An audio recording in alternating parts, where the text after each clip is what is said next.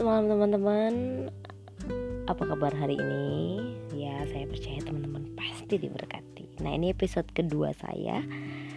Dan saya akan berikan judulnya pada malam hari ini adalah Keputusan salahmu bisa jadi cara penggenapan firmannya. Yes. Sekali lagi judulnya yaitu Keputusan salahmu bisa jadi adalah penggenapan firman. Oke. Nah, saya ambil dari pembacaan pribadi saya seperti biasa di Markus 15 ayat 1 sampai dengan 20.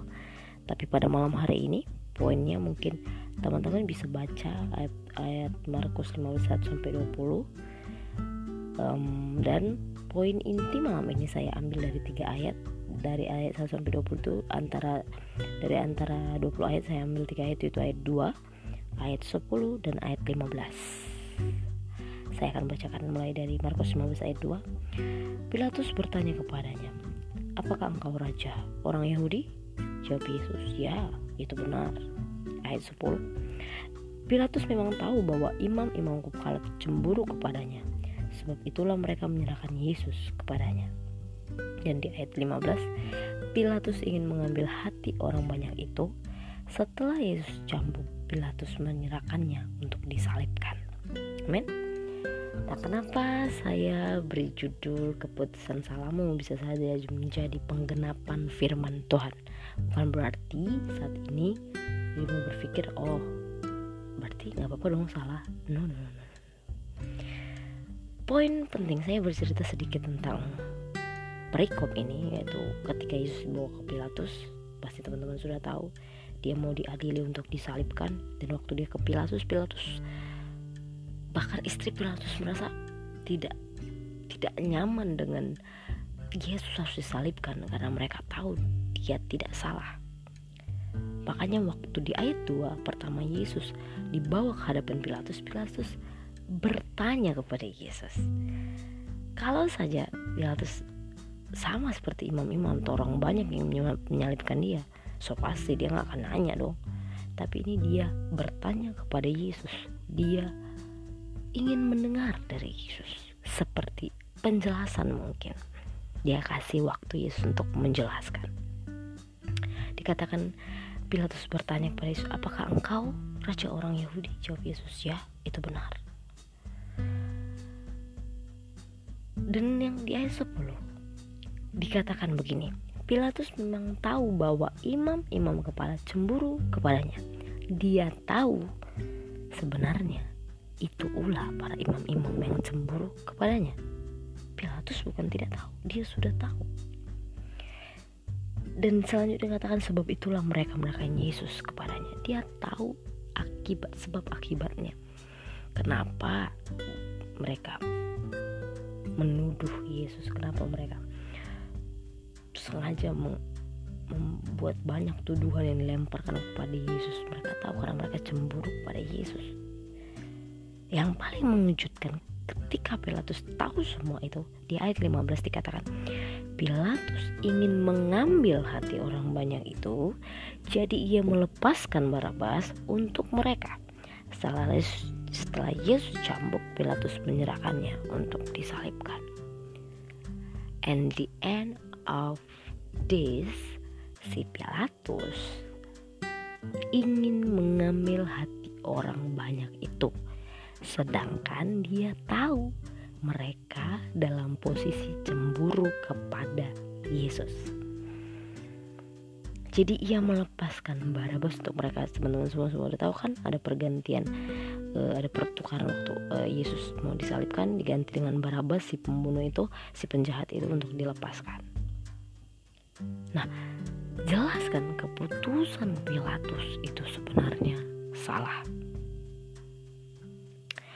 Dia mengambil keputusan, dia menetapkan keputusannya itu di tengah-tengah ketidak adanya dia mendapat bahwa Yesus berlaku salah bahkan dia tahu latar belakang dia tahu alasan atau alibi alibi atau alasan lain dari itu semua. Tapi dia mengambil keputusan untuk mengambil hati orang banyak itu. Nah setelah apa yang dilakukan Pilatus ini kita balik kepada penggenapan firman yang saya maksudkan tadi. Apa yang dikerjakan Pilatus tersebut adalah penggenapan firman ketika Yesus mau disalibkan karena Yesus sudah tahu bahkan dia mengerti alur ini. Dia tahu alur ini dan Pilatus ada di dalamnya. Nah yang saya maksudkan kesalahanmu saat ini atau apa pun pelanggaran saat ini yang mungkin Tuhan izinkan untuk penggenapan firmannya dalam hidupmu yaitu itu contoh case waktu Pilatus melakukan kesalahan. Tapi notabene dia tetap berjalan sesuai dengan penggenapan alur cerita Yesus akan disalibkan. Dan dirimu juga ketika kau sudah berdoa, ketika kau sedang bergumul, ketika kau sedang mengikut Tuhan, ketika kau sedang serius fokusmu ke tujuan, fokusmu sampai akhir dan tiba-tiba masalah datang bertubi-tubi apa yang kau doakan malah dari sana kau diserang Tuhan aku mau rendah hati kau dijumpai dengan orang-orang yang sedang sering mengat tes kerendahan hatimu aku Tuhan Yesus aku mau lemah lembut. Kau dijumpa dengan situasi yang memaksamu untuk berontak marah bahkan murka atau anything else gitu. Kenapa gitu? Dan sering kali ketika kita dihadapin di persoalan-persoalan yang demikian justru itu kita bertindak mengikuti apa yang ingin kita ubah. Contoh aku pengen lemah lembut tapi Tuhan izinkan di situasi yang benar-benar itu membuat kita itu semakin pengen marah. Akhirnya kita akhirnya kita udah tahan-tahan kita marah. Kita yuk kita melakukan banyak hal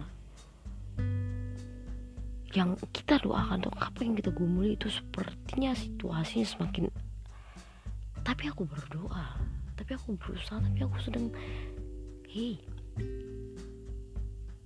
pernahkah dirimu berpikir bahwa situasi itu Tuhan izinkan untuk ketika kau naik atau ketika kau balik lagi naik ke puncak kau berada benar-benar menyadari wow betapa tidak sabarnya aku betapa tidak lemah lembutnya aku begitu kan.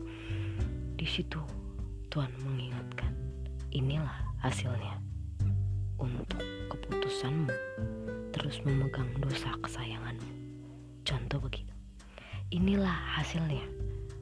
Jika kau terus berada dalam situasi ini. Cara Tuhan mengubahkan kita berbeda-beda, tapi ada satu titik Tuhan mengizinkan sedikit kita masuk dalam kesalahan itu untuk nantinya dia bisa rocker situasi itu. Dia bisa ubahkan situasi itu. Keputusan yang salah tadi dia buat seperti dia buka jalan di satu di satu sisi masuklah tangannya untuk menolong hidupmu. Nah teman-teman waktu saya baca pembacaan pribadi saya saya pikir begini. Betapa bingungnya Pilatus saat dia ingin membela tapi tidak bisa. Tapi dalam keadaan itu pun dia sedang mengalami penggenapan atau jalan yang seharusnya berjalan yang Tuhan tetapkan. Dan dia ada di dalamnya. Oke? Okay?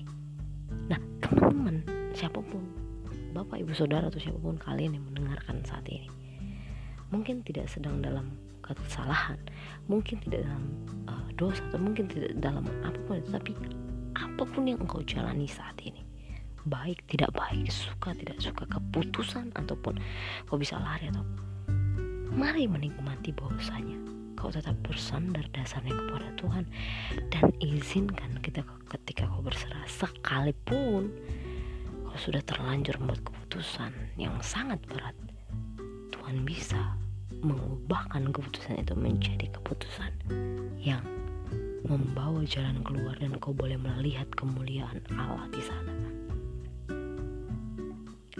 Sakit, susah, gerah atau wah banget. Tapi kembalilah kepada tujuan dan doamu. Apa pun yang kau doakan, apa pun yang kau kumpulkan, perhatikanlah keadaanmu.